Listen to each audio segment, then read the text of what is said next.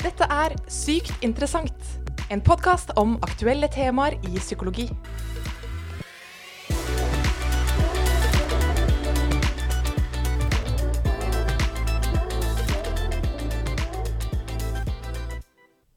Velkommen så mye til en ny episode av Sykt interessant.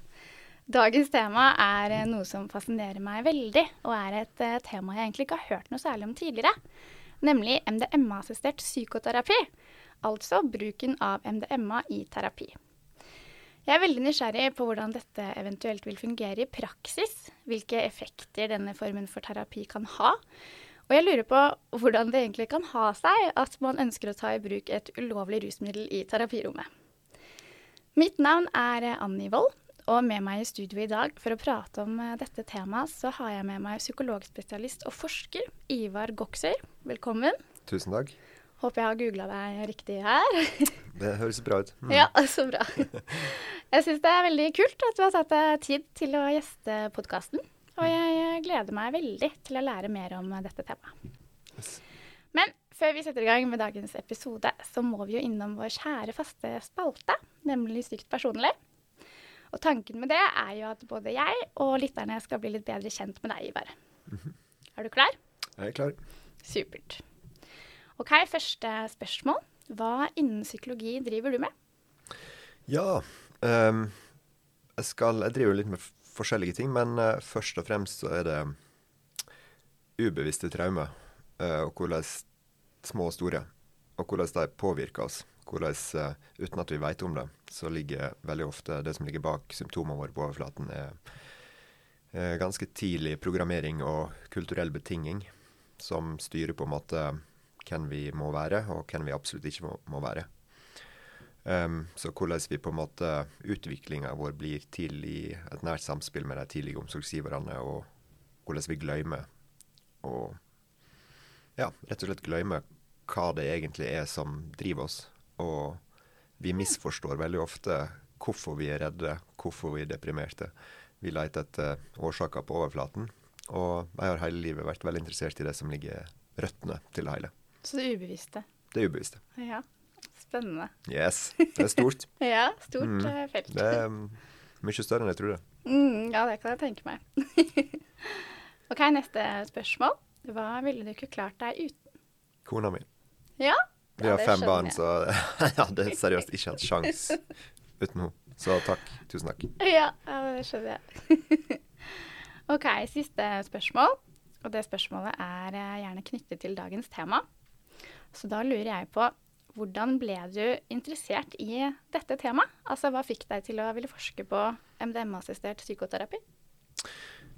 Ja, så jeg tror som de fleste hjelpere, uansett yrke egentlig, og ikke minst psykologer, så kom jo interessen for å studere psykologi i utgangspunktet fra det også, igjen ubevisst. Det var ikke det som jeg på et bevisst plan trodde når jeg begynte studiet, men etter hvert så har jeg forstått det. Og det er jo helt åpenbart at uh, utsatt for ganske mye smerte uh, i personene rundt meg. Og av en eller annen grunn så kunne jeg på en måte uh, se veldig godt den smerten. Um, at det lå veldig mye bak den atferden som jeg så på overflaten, og som jeg opplevde at veldig mange rundt meg, også voksne, fordømte. Um, og fra jeg begynte å studere, da, for å forstå meg sjøl og for å forstå det rundt meg, og for å kunne transformere lidelse til frihet og sånn. For jeg følte mm. egentlig at jeg var født med et veldig lyst sinn. Kanskje veldig mange barn er det, tror jeg. Og så var det akkurat som at det var en, en, at det hadde nettopp vært en eller annen tsunami eller en eller annen bombe som hadde eksplodert, fordi den verden jeg kom til, var liksom um, fylt av veldig mange andre ting enn det som sinnet mitt i utgangspunktet var fylt med. Så jo, så på så etter hvert ut i studiet, så, eller hele veien, så har jeg liksom vært interessert i å liksom få komme til røttene da, av hva er det egentlig som driver her. For det virker mm. som det er unødvendig. Virker som det er veldig mye unødvendig lidelse. For all del, å, å leve et menneskeliv kan være tøft nok, liksom. Men all den nevrotiske lidelsen på toppen, den føltes som at um, måtte kunne gå an å gjøre noe med. Så jeg har aldri vært så veldig tilfredsstilt, selv om jeg anerkjenner viktigheten og er veldig glad for at andre er interessert i mer sånn symptomhåndtering og symptomlindring og sånn, som er superbra.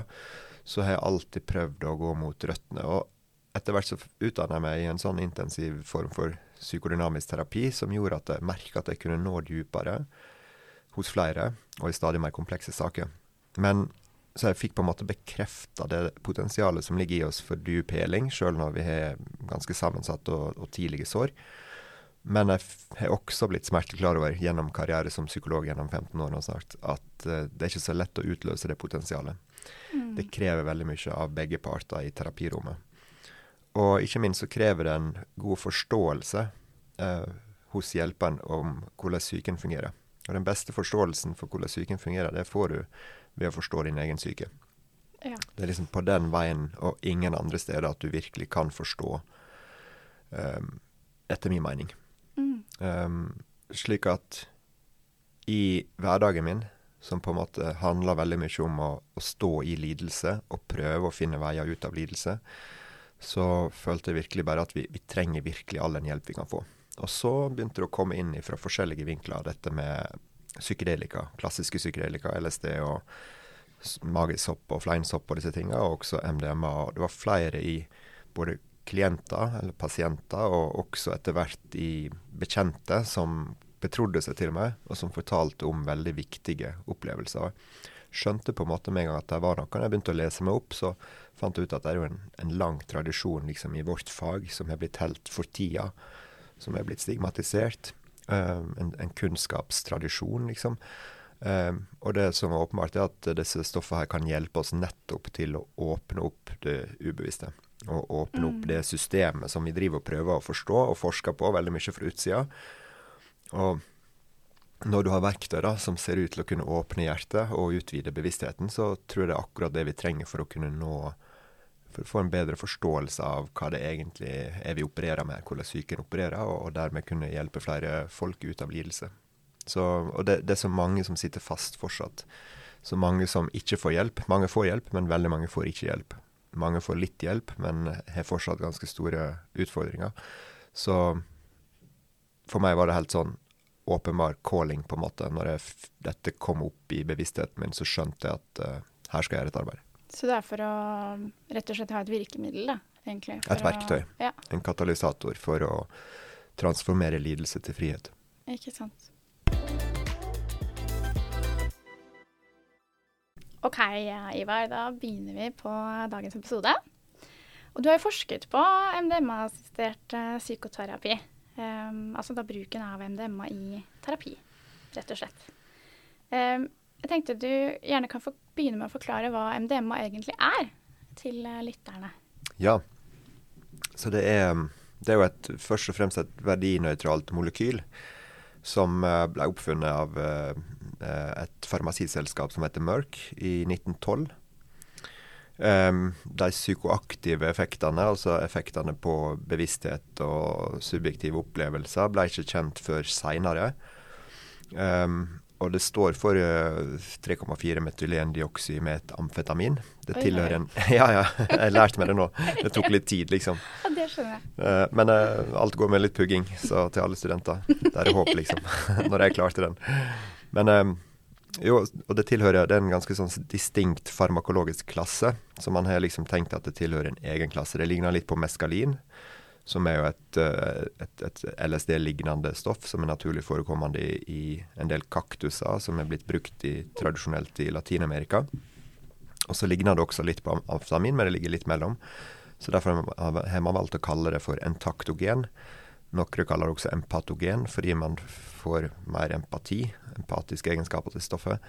Og entaktogen står for at det framskaffer en berøring innenfra. Så man tenker seg at MDMA gir eh, Altså det oversvømmer på en måte systemet ditt med en del ressurser. Eh, særlig i form av oksytocin, som er jo dette mm. love hormone, cuddle hormone, som utskilles ved amming og hvis vi klemmer lenger enn 20 sekunder, eller hva det er. Eh, så, så, det gir en sånn varm, trygg, litt sånn svøpt følelse, og en grunnfølelse av eh, empati, uh, ømhet, selv medfølelse og medfølelse for andre. Samtidig som det også har eh, en del mer sånn oppkvikkende eller stimulerende egenskaper som gjør at du er klar i toppen, eh, og at du har liksom er våken og har liksom stamina til å holde, holde ut ei stund. Eh, og, og, det her gjør det til potensielt liksom en, en god sånn mm, utgangstilstand for å arbeider med veldig vanskelige psykologiske tema som vanligvis overvelder deg, at du blir veldig redd av det, eller at du blir veldig skamfull, eller Ja, at man tåler mer. nettopp, man Mm. tåler mer. Så en måte å snakke om det på er at MDMA utvider toleransevinduet. Altså det Ja. vinduet vi tåler av aktivering av et eller annet før vi liksom uh, begynner å få trøbbel. Um, og ofte så er det jo sånn at vi, f.eks. hvis du har et traume, så er det jo sånn at hvis du, du prøver gjerne å holde det på avstand, og de måtene du holder på avstand på, blir et problem, altså unngåelse. Og hvis du først kommer i berøring med en trigger, så blir du overvelda, og det er jo nettopp derfor du unngår. Så i, vanlig terapi så er det ofte en utfordring å få folk til å liksom engasjere seg og gå inn i traume uten at de blir overvelda. At det er et sånt sweet spot der man kan jobbe, og, og man tenker seg at det blir veldig sånn kraftig utvida. Så man, man minimerer de problemene med at folk enten unngår eller blir overvelda med en gang man kommer i berøring med Ikke sant. Ja. Ja, herregud, så spennende. Men hva er egentlig forskjellen mellom MDMA og ecstasy? For det er vel det samme virkestoffet, er det ikke det? Jo, så i ecstasy, som er mer sånn Altså, MDMA ble jo da på en måte etter at det ble på en måte født i 1912, og så ble det gjenoppdaga på en måte de psykoaktive egenskapene på 70-tallet. Um, da også spredde det seg i terapeutiske sirkler. Eh, ut fra en kjemiker som heter Sasha Sjølgin, som via livet sitt til å prøve å, å finne opp eh, nye psykoaktive stoff som kunne være hjelpsomt for menneskeheten. Og Måten han gjorde det på, var jo å, å, å lage nye molekyler og tweake dem, og så teste han det på seg sjøl, og etter hvert på kona si. Og så hvis det var noe interessant der, så brukte de fredagskvelden sammen med venner for å teste det nye stoffet i forskjellige doser. Så gjorde folk notater, og litt sånn vitenskapelig da. Så valgte de å gå videre med noen ting, og en av tingene de virkelig valgte å gå videre med og så et potensial i, var eh, MDMA. Og um, det var en, um, en psykoterapeut, en jungiansk analytiker faktisk, som heter Leo Seff, som var i denne kretsen til Sasha Sjølgen. Han var på vei til å pensjonere seg, men når han fikk prøve MDMA, så la han de pensjonsplanene på hylla og gjøv løs på et nytt kapittel. Um, og da kalte han og, og også de terapeutiske sirklene der MDMA spredde seg, for Adam. Fordi eh, det satte det i en tilstand av en slags sånn primær uskyld. Um, og så var ikke det før i noen år seinere så begynte jo dette å spre seg først, eh, ikke kommersielt, i stuene til folk for personlig utvikling og i terapeutisk øyemed. Det er anslått at kanskje 500 000 doser ble tatt før i den type mer sånn seriøse settinger, før forbudet i 1985. da. Eh, så i 82 så var det en teologstudent som var med i disse her eh, sirklene, eh, som så et potensial her. Han var jo veldig opptatt av at dette var jo en opplevelse som kunne gjøre at du forsto liksom ren kjærlighet og ubetinga kjærlighet på en bedre måte. Og satte det i forbindelse også med, med Guds kjærlighet, og ville virkelig spre dette. Så han eh, mente at eh, det hadde vært mer presist å kalle det empathy, men ecstasy ville kunne selge bedre. Det ville kunne, kunne spre seg eh, bedre, for ingen visste hva empathy betydde, nærmest, mente han. Kanskje på den tida. Eh, så det var sånn at eh, MDMA ble omdøpt til ecstasy. Men derifra lang, Et langt svar på et kort spørsmål, men, men derifra så Når ecstasy da begynte å spre seg mer i nattklubber og sånn, eh, og det ble mer profittdrevet, og det ble mer et liksom, dopsalg eh, på den mer tradisjonelle måten, så ser man jo også da sine snitt til å både vanne ut stoffet, men også tilsette f.eks. amfetamin for at det skal funke enda bedre som eh, club drug med dansing og sånn. Så i ecstasy, street ecstasy, liksom, så er det veldig ofte ureint. da. Der er MDMA, men der er også mange andre stoff, ofte amfetamin. Ja, Eh, så det skiller de gjerne fra hverandre? Ja, Ja. det er hovedforskjellen. Ikke sant. Hm. Hmm. Ja, du har egentlig vært litt uh, innom det her uh, spørsmålet jeg skal stille nå allerede. Um, men jeg stiller det likevel. Kjør på. Um, for som du nevnte, så var jo MDMA ulovlig tidligere. Mm. Um, eller det er vel det fortsatt nå. Mm. Uh, men tidligere ble det brukt i parterapi, før det Mm. ble ulovlig. Mm. Og nå i den senere tiden så har man jo sett at MDMA kan være effektivt i terapi, og da Mm. gjerne i behandlingen av psykiske lidelser, Mm. som du har vært innom. Ehm, og da lurer jeg på hvorfor akkurat MDMA, men du har jo vært litt innom det med dette toleransevinduet, at uh, man får uh, et Mm. større gap å jobbe i, på en måte. Mm. Jo, så, uh, så hvorfor, hvorfor akkurat MDMA og, og dette med historien, ja. Og, altså at Jeg kan ta litt på historikken først. Bare det, det var jo slik at når når først uh, MDMA, som ble omløpt ecstasy, begynte å bre seg på nattklubber og sånt, så, så er det jo da at uh, kon mer konservative amerikanske politikere ser seg i snitt til å på en måte slå ned på dette og, og forby det. Det ble til og med gjort i en sånn hastevending. Jeg brukte sånne spesielle paragrafer som sånn emergency-paragrafer. Um, og uten at noen kan se at det var egentlig et folkehelserasjonale bak det, det virka mer som en eller annen type uh, moralsk panikk, spør du meg. Uh, da Det som skjedde, var at terapeutiske miljøet hadde jo sett at dette kunne komme til å skje, for det skjedde med, med LSD uh, på 60-tallet. Mm. Litt på samme måte. Det forsvant fra laboratorier og terapirommene og ut i massene, og da blir det en politisk backlash, da.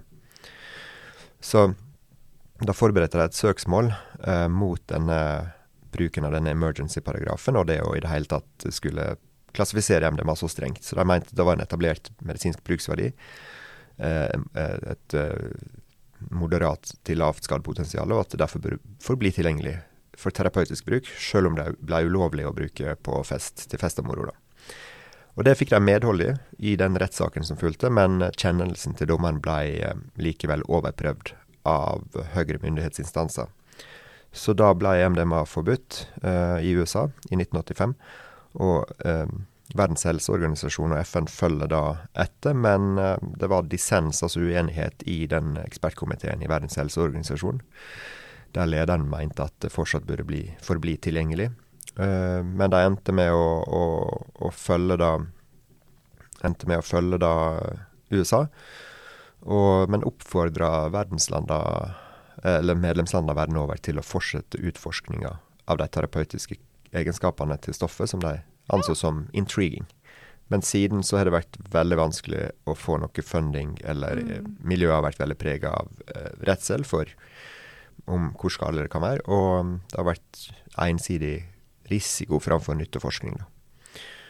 Så det er jo litt mer om historikken, som er greit å ha med seg. Så det, det som skjer nå, er jo liksom at MDMA kommer tilbake til terapien, på en måte. Eh, ser det ut som da. Mm. Så til, til, det der med egenskaper, der er flere måter å snakke om MDMA, hvorfor bruke det i terapi og sånn. Det med toleransevindu er en ting. og så En annen ting er Nå har man, når man sett uh, en studie som kom ut fra Johns Hopkins-universitetet på mus, der jeg ga MDMA til mus. Og, og mus som menneske er jo sånn at de har en, noen kritiske utviklingsperioder som vi kjenner fra utviklingspsykologien. Mm. Og der er det jo Det betyr jo rett og slett at du, det er visse ting du trenger å få i en viss aldersspenn og så lukker vinduet utviklingsmuligheten seg. Så hvis du ikke får det, f.eks. språkstimulering, så vil ikke du lære språk, iallfall ikke på samme måte seinere i livet. Normal utvikling? Ja, ja, riktig.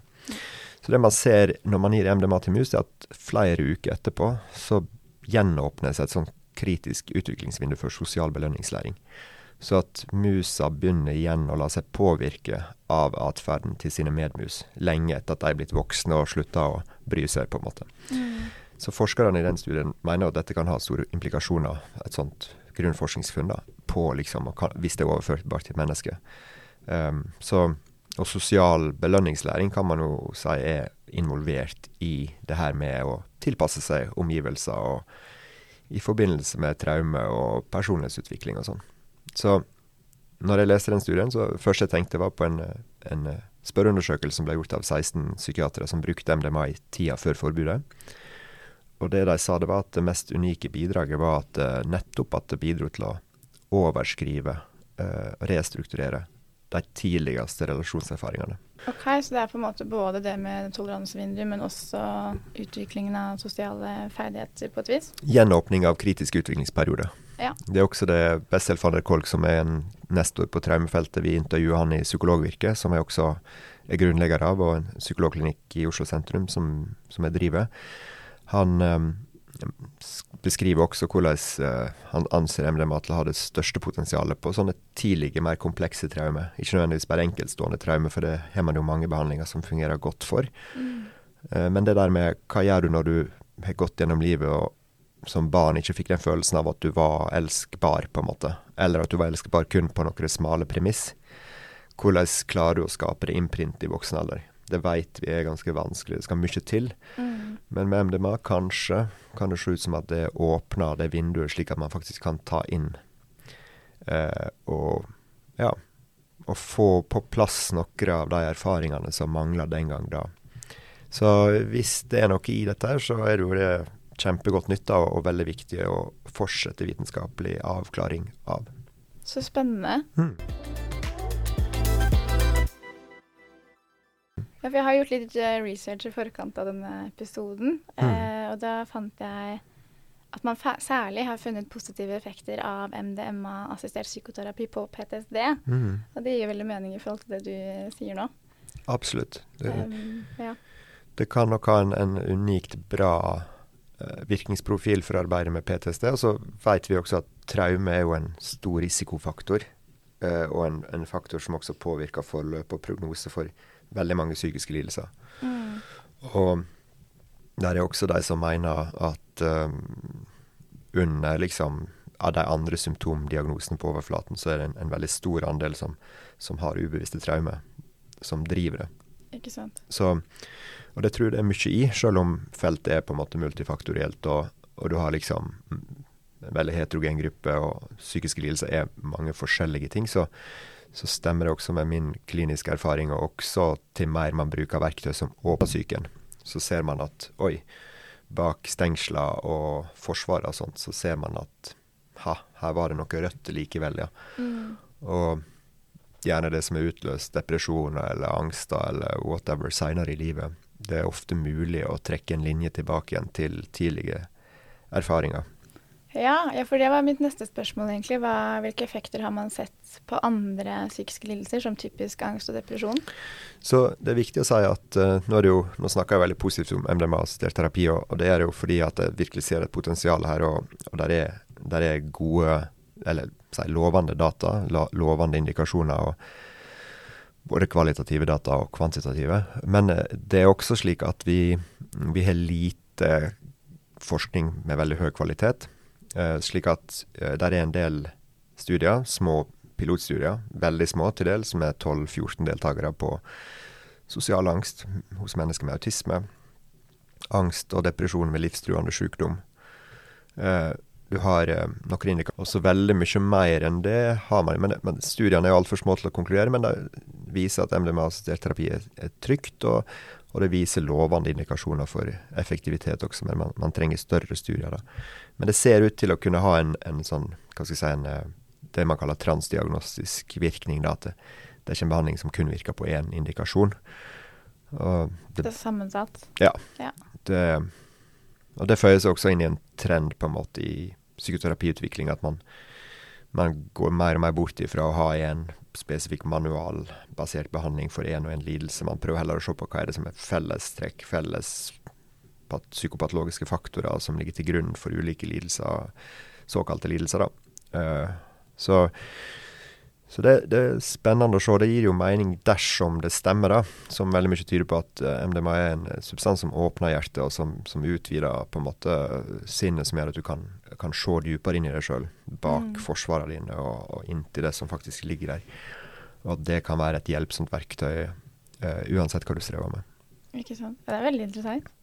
Men hvordan kommer man på en måte rundt at det er et ulovlig rusmiddel? Em, ja, hvordan fungerer på en måte det Ja, så det er jo, det har jo tatt veldig, veldig lang tid, da. Forskninga på dette feltet har jo blitt hindra lenge, lenge, lenge pga. nettopp stigma som har blitt liksom knytta til MDMA og andre rusmidler som del av krig mot narkotika og Mm. norm i samfunnet og sånt, da. Så til forskjell fra i si, somatikken, som vi sier, altså fysisk helse, der man, eh, der man ikke ofrer altså Det at et legemiddel også kan misbrukes som rusmiddel, er ikke noe nytt.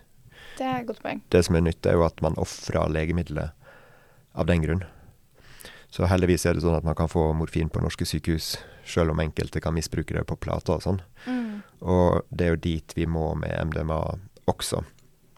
At vi må utforske vitens eller vitenskapelig utforskning av det terapeutiske potensialet. Og hvis det da er slik da som det ser ut nå, eh, at vi er på oppløpssida til at dette kan bli en godkjent medisin, så, så når det først blir det, da, i eh, kjølvannet av de siste resultatene fra de siste store studiene.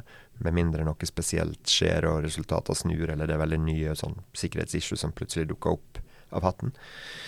Da vil, um, da vil man kunne få MDMA eh, som, men alltid som ledd av psykoterapi.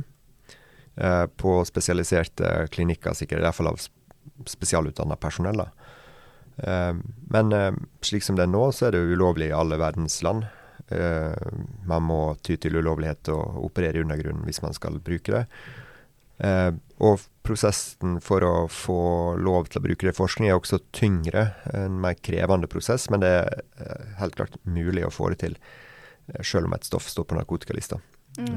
Du må bare smøre med tålmodighet og regne med en, en del flere år i prosess. Og ja, så vi har mm. det, Men det ligger bak oss nå, da. Så vi er veldig glad for å ha opplevd en veldig sånn rasjonell, egentlig drøftelse og diskusjon med regulerende myndigheter her til lands. Um, og vi har, vi har, nå klart å få godkjenning til det første kliniske studiet på MDMA-assistert terapi i Norge noensinne. Og vi har til og med også fått uh, Ja, til og med fått uh, midler fra Helse Sør-Øst til en doktorgradsstipendiat uh, på en studie vi har nå med MDMA-assistert terapi mot depresjon, som er verdens første studie som ser på MDMA mot depresjon. Så Banebrytende. ja, det er banebrytende, altså. Jeg, jeg, er stolt av det. Det må jeg si. Jeg er virkelig stolt ja, av det. Tor, Tor, Morten Kvam, psykiateren hos oss på Sykehuset Østfold, som, eh, som, er sjefen på det studiet, ph.d.-kandidaten. Og um, nei, vi flytta kunnskapsgrunnlaget eh, på planeten her. Men eh, så det betyr at per i dag så er vi på et forskningsstadie? Det stemmer. Eh, ja, Og at ikke det er på en måte implementert noen steder? Eh. Det er implementert som et prøveprosjekt i ja. Israel. Og ja.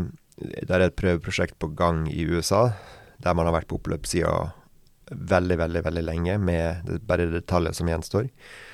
Og så har Canada åpna opp uh, for at det er lettere å søke om godkjenningsfritak for å kunne bruke det i, i enkeltsaker. Og i Sveits så har det også i en årrekke vært mulig for Eh, psykiatere og leger med, med, en sånn spesiell lisens til å gi MDMA-behandling. Men bortsett fra disse unntakene, som er ganske sånn regulerte, så er det kun eh, på forskningsstadiet. Mm. Men når uh, forhåpentligvis vi kommer lenger i prosessen, mm -hmm. hvordan uh, ser du for deg at dette kommer til å fungere rent praktisk uh, da? For jeg antar jo at klienten får en brukerdose innenfor på en måte kontrollerte betingelser, og at dosens størrelse er kontrollert av en profesjonell eller psykolog eller i den type ting. Um, men hvordan vil det på en måte funke rent praktisk? For nå har jeg googla meg frem til at MDMA inntreffer vanligvis mellom 20 til 60 minutter etter inntak og varer mellom 6 til 8 timer. Mm. Så tar pasienten da MDMA i forkant, eller liksom Ja, hvordan Tror du det vil fungere rent praksis? Først, bare før jeg, før jeg, glemmer å få sagt noe om det, så er det jo viktig også at uh, lytterne er klar over og tar inn over seg at det er stor forskjell på å liksom, MDMA som et integrert del i en terapeutisk prosess med trent personell mm. i en klinisk setting med rent stoff og nøye kontrollert uh, dosering og masse erfaring, og bare hele den, hele den prosessen med å skulle møte to mennesker eh, mann og kvinne, da, som vi har foreløpig iallfall i disse protokollene, og skulle begynne å åpne sjela si, det mobiliserer veldig mye, slik at eh, man kan på ingen måte forvente verken de samme effektene eller den samme gunstige risikoprofilen i en eh, mindre kontrollert setting utenom kliniske forsøk. Så det tror jeg er veldig viktig å få sagt. Mm. Um, og så til det praktiske, så er det jo slik, slik, som vi gjør det nå i dag, er det jo at vi eh, Først så er det jo en sånn screeningprosedyre, da, der man sjekker litt sånn både fysisk uh, historikk og psykehistorikk, psykologisk eller psykisk, da, for å se om det er kontraindikasjoner for å ta i bruk MDMA. Altså om det er f.eks. noe underliggende hjerteproblem eller en del andre sykdommer, eller om det er hvis du også har veldig alvorlig sykehistorikk i familie og sånt, så blir du også screena ut, da. Så det er først å sjekke litt sånn basics. Eh, kvalifiserer du det? Tenker man at det er for stor risiko? Og så går man i gang med en, en eh, forberedelsesfase. Og der eh, Nå er det i studiene nå er det tre økter på 90 minutter med samtaleterapi, der du egentlig bygger tillit. Bygger tillit til terapeutene, og begynne å bygge tillit innover til din egen organisme. sin evne til egentlig selvheling. At det vil være trygt for deg å slippe. At det som kommer opp når du slipper, vil være, være til hjelp for deg. At organismen din vil deg vel. Så man danner en trygg relasjon først, i forkant? Yes. Mm. Til terapeutene, og, og tryggere relasjon til deg sjøl og din egen organisme. Mm. For det vi ser er at det det er veldig mange sånne såkalt bottom up-prosesser som skjer. Altså ting begynner å røre seg av seg sjøl utafor hvilestyrt kontroll Mm. gjennom det autonome nervesystemet. Eh, fra liksom følelseshjernen og opp. Framfor en del, eller standardterapi der man snakker mye fra cortex og top Mm. down-prosesser, på en måte. da. Selv om det ikke Det er også psykoterapitradisjoner som jobber mye bottom up, altså. Men, eh, men det er den tillitsbygginga og litt sånn flight instructions på hvordan man kan navigere i den endra bevissthetstilstanden som eh, MDMA gir. Eh, og så møter man på morgenen når det er sesjonsdag, og da er man liksom der i en hel dag. Um, da har vi liksom et rom som står klart, vi har uh, dempa musikk, eh, folk får eh, medisin. Så det er ikke den vanlige 50 minutters uh, time? Det hadde gått dårlig. Ja, det hadde det. det hadde gått dårlig, ja. Det hadde ikke vært helt forsvarlig. Nei. Men uh, en hel dag da, der vedkommende får medisin på morgenen og kan legge seg ned og reise innover i seg sjøl med musikk på hodetelefoner og med øyemaske. Mm. eh, Og veksle mellom en sånn posisjon med indre reise og uforstyrra prosess, og det å være i reise seg opp og være i kontakt med terapeutene og ha interaksjon og mer sånn tradisjonell utveksling. Da. Ok, Så man veksler mellom egen tid, på en måte, Mm. og å prate med psykologen? Yes. Mm. Det kan virke som at det er noen prosesser som eh, man trenger å gå innover i seg sjøl. og liksom reise Ofte reiser man jo ganske langt bakover og kan på en måte se sammenhenger i livet som, man, som virker åpenbare når du først ser dem, men som du har vært blind for. Du kan få en større forståelse. Av og til er det jo den klassiske, om enn fortsatt kanskje litt kontroversielle, med at du altså fortrengte minner dukker opp. Um, men som oftest så er det mer sånn at det er ikke helt nye kaniner opp av hatten, men det er Du får en annen forståelse av dybden i det som har skjedd med det, og hvordan det som har skjedd, har påvirka det, og hvilke betinginger og hvilken programmering du har fått med deg fra alt du har vært gjennom, og hvordan det er disse programmeringene og betingelsene og traumene og, som ligger der på en måte og styrer deg i dag.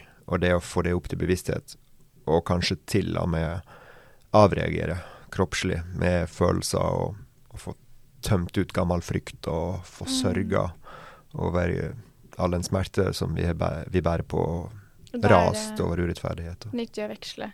Ja. ja. Det gir mening, det, altså. mm. Men um, denne doseringen, jeg antar det er mikrodoser, eller?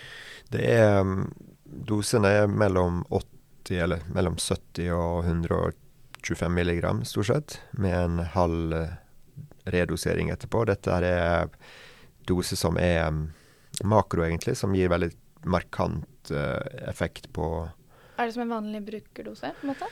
Um, jeg minner om at jeg er ikke helt sikker på liksom de brukerdosene. Jeg innbiller meg at det kan være i nedre sjiktet, kanskje, av en uh, rekreasjonell dose. At det, rekreasjonelt begynner man kanskje der et sted, men at mange bruker også en del høyere dose.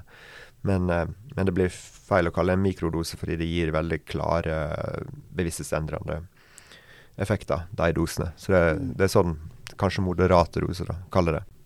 Spennende. Mm. Men sånn i løpet av et eh, eh, på en måte terapiløp, eh, hvor mange doser tenker dere mat, ja, Ja, så hittil har eh, modellen vært tre timer med forberedelse, og så har du tre økter med MDMA.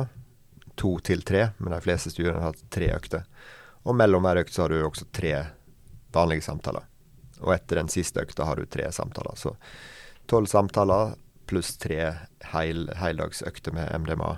Så tre doser totalt? Tre doser totalt, ja. Ja. Det man også ser der, og det er ganske vesentlig i disse diskusjonene på liksom sånn Ja, men det ser ikke ut som at MDMA har gjennomsnittlige effektstørrelser på PTSD-symptom som er bedre enn det aller beste vi allerede har. Det ligger omtrent på det nivået som det er vanskelig å sammenligne når man ikke gjør sammenligninger i samme studie. Um, så er det likevel sånn at eh, effektene, altså tilfriskningsratene, fra første til andre til tredje sesjon, de fortsetter bare å stige eksponentielt. Ja. Så det er ingen sånn utflatning av kurven. Så at hva hadde skjedd med en fjerde rose og en femte rose? Altså hvor Ut fra det vi inntrykket vårt er at de ratene ville ha fortsatt å, å stige, tilfriskningsratene og responsratene og alt sånt. Og fra et klinisk perspektiv så gir det mening, fordi folk kommer jo inn ikke sant, med disse diagnosene, en PTSD-diagnose f.eks., og kanskje skjedde et eller annet, eh, en voldtekt eller et eller annet annet i voksen alder. Um, som, er, som, er, alvorlig nok. Og, sånt, og så tar du denne I vanlig traumebehandling så vil man jo litt mer strukturert på en måte ramme inn liksom target for behandling, og så eksponerer man mot det som har skjedd. Vi strukturerer veldig lite i MDMA-assistert terapi. Vi sørger for en trygg container. Uh, og så lar vi det være opp til den enkelte syke å på en måte koreografere helingsprosessen. For det vi ser er at uh, mange begynner i helt andre ender. Og um, de kan begynne på liksom whatever, tidlige barndomstraume eller forløpere til det som skjedde seinere, eller forholdet til seg sjøl. Man, man, kan liksom begynne å få innsikt i hvordan psyken din opererer, og hvordan du egentlig er mot deg sjøl. Så betyr det at uh, på en måte pasienten selv har litt mer påvirkningskraft på terapien, på et vis? Eller? Det skal jo strengt tatt alltid være et samarbeid. Ja, ja. Um, men ja, jeg vil si det altså at man er iallfall veldig bevisst på det. At uh, idet man går inn og strukturerer som terapeut, så det kan være fordeler med det, men man mister også litt av den der intuitive kunnskapen, da. Uh, som ser ut til å ligge i oss et sted. Det er jo den floskelen om at svaret har vi på innsida, og en god hjelper hjelper bare folk å finne svarene. Mm. Og det kan du si, det er liksom i, i entepotens her, da.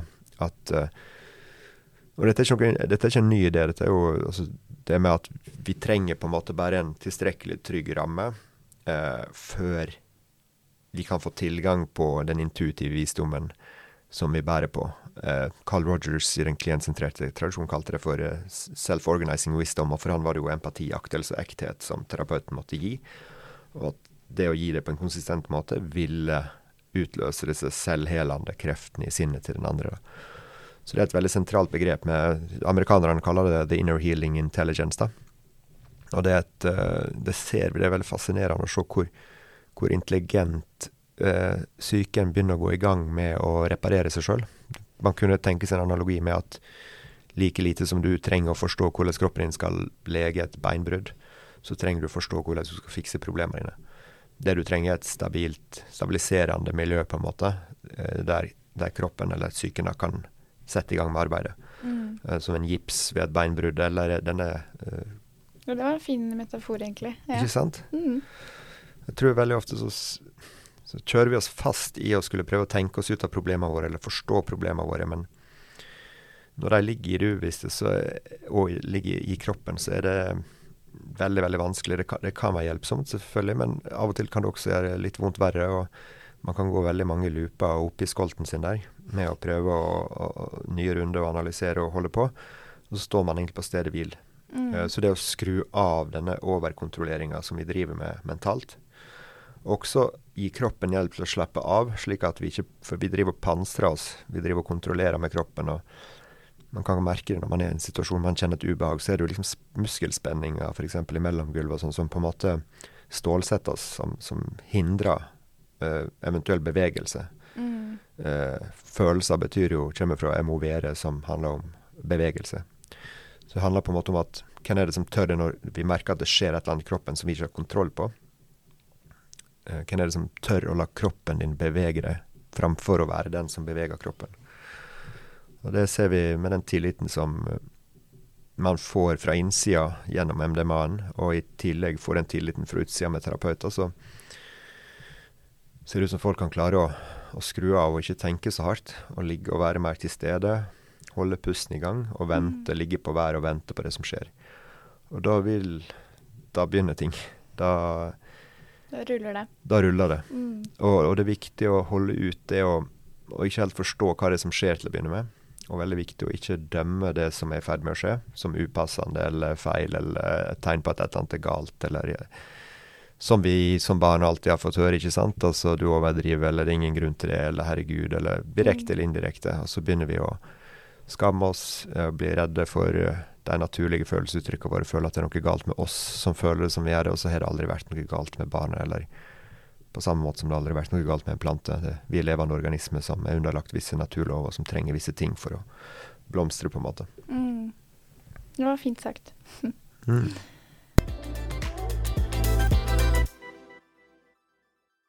Nå lurer jeg litt på dette med uh, mulige bivirkninger Mm. av MDMA-assistert psykoterapi. Men før du svarer, så vil jeg gjerne påpeke at all terapi kan ha bivirkninger. Eh, også mer eh, tradisjonelle former for terapi, eh, f.eks. kognitiv atferdsterapi. Um, eh, ja, hvor man har sett f.eks. at eh, pasientens eh, tilstand kan enten bli verre, eller at pasienten ender opp med å skylde på seg selv fordi terapien ikke fungerer. Da. Og slike bivirkninger blir jo kanskje ikke så mye prata om, men det er der. Um, og jeg liker å si at eh, alt som har en virkning, har en bivirkning. Uh, så ja, da lurer jeg på hvilke mulige bivirkninger er uh, assosiert med MDMA-assistert psykoterapi? Ja, det er et bra spørsmål. Um, og viktig. Og jeg er helt enig med deg. Alt som har en virkning, har en bivirkning. Og styrken til denne terapiformen, at du får en dypere åpning av psyken enn det som man vanligvis får, er samtidig også utfordringer. Med klassiske psykedelika som har en enda sterkere på en måte åpning, og enda mindre på en måte hva skal jeg si, eh, angstregulerende iboende egenskaper, så er det, så det en enda større utfordring og enda større fare for kall det destabilisering, da. Eh, psykologisk destabilisering. MDMA er en snillere profil. Det er en mer invitasjon til å jobbe med ting. Du kan på en måte se noe i sidesynet, og så velge å utsette det og legge det litt på hylla, og heller ta det litt seinere og jobbe gjennom noe som er litt lettere først, eller et eller annet. Det er det også mange som rapporterer om, at liksom man kan Man ser at man må porsjonere ut ting. Slik at det, det har en, en, en snillere profil enn de klassiske psykedelika. Selv om de også har en tilfredsstillende risikoprofil i en klinisk setting. Um, så vil jeg likevel si at det er den største faren, på en måte. Altså at du, du vil komme i dyp kontakt med deg sjøl, og det vil endre ting for deg. Så mange av oss har jo lært ganske sånn eh, Kall det funksjonelle måter å undertrykke det som er trøbbel etterpå. Så vi fungerer liksom rimelig godt. Kostnaden til det vi spalter av, eller liksom den smale stien som vi følger i vårt liv, der vi føler oss trygge, og der vi føler at vi er det vi skal, og kan være fornøyd med oss sjøl og tenke at noen vil ha oss og like oss og elske oss og alt sånt. Kostnadene er ofte ubevisste, men når du åpner psyken, så ser du ofte hvor mye det gjør med det. F.eks. å skulle være konform i forhold til alle mulige normer. Mm. Eh, Være whatever. Flink pike eller eh, stor gutt, eller hva det måtte være.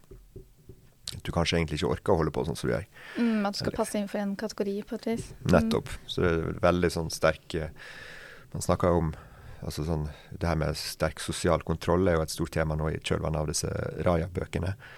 Abid og Abida. Eh, som Jeg har ikke lest dem sjøl, men etter det jeg forstår, så, så gir det ganske gode skildringer av hvordan liksom mer sånn kulturbårne praksiser eh, blir på en måte overført da, eh, i form av traume, intergenerasjonelle traume, på en måte, og at man viderefører dette til barna sine, med mindre man liksom har en veldig dyp bevisstgjøringsprosess der man anerkjenner sin egen smerte og, og tør å protestere mot det som skjer, og ikke ta på seg skylda sjøl, liksom, og, og bare si at det er sånn det skal være, på en måte, det er sånn det må være, og alle individer må bare føye seg etter dette, liksom.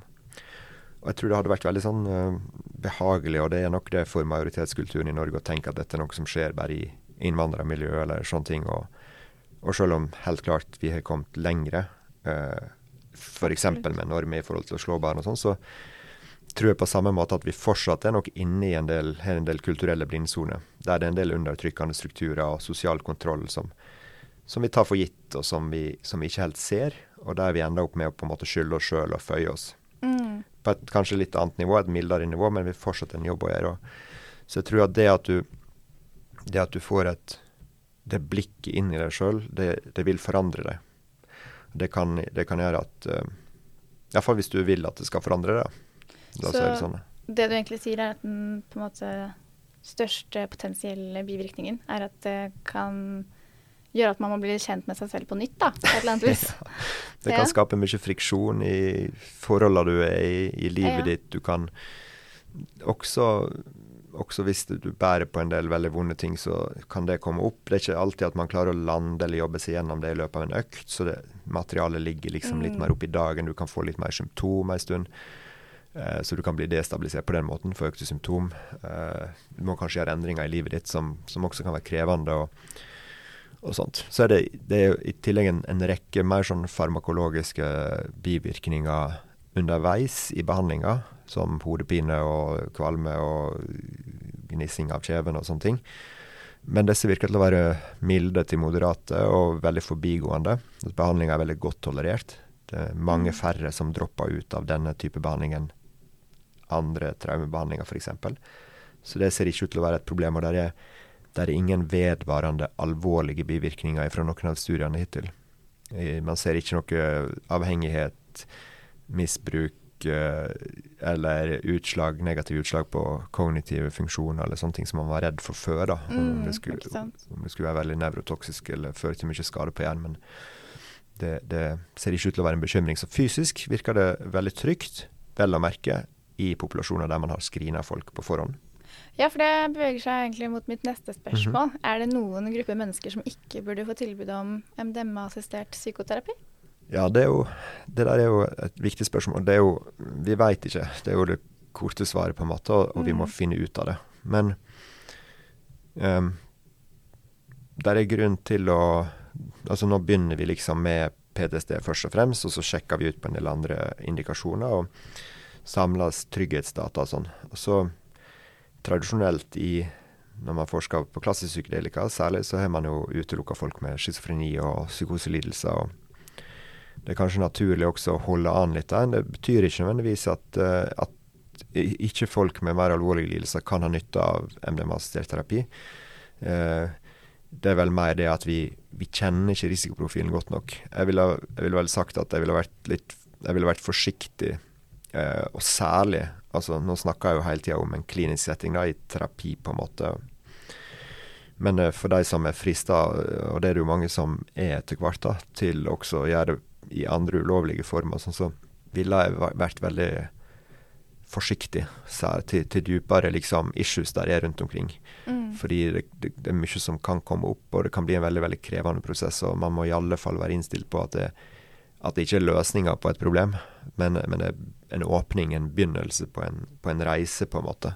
Et verktøy. Et verktøy. Mm. Og det er ikke alltid like enkelt, selv om det ser ut som en del folk klarer å lukke døra. Hvis man har sett inn der, og så ja, blir det for heftig, så lukker man over døra. Man blir destabilisert og får seg en trøkk i noen uker, liksom, og så klarer man seg, liksom.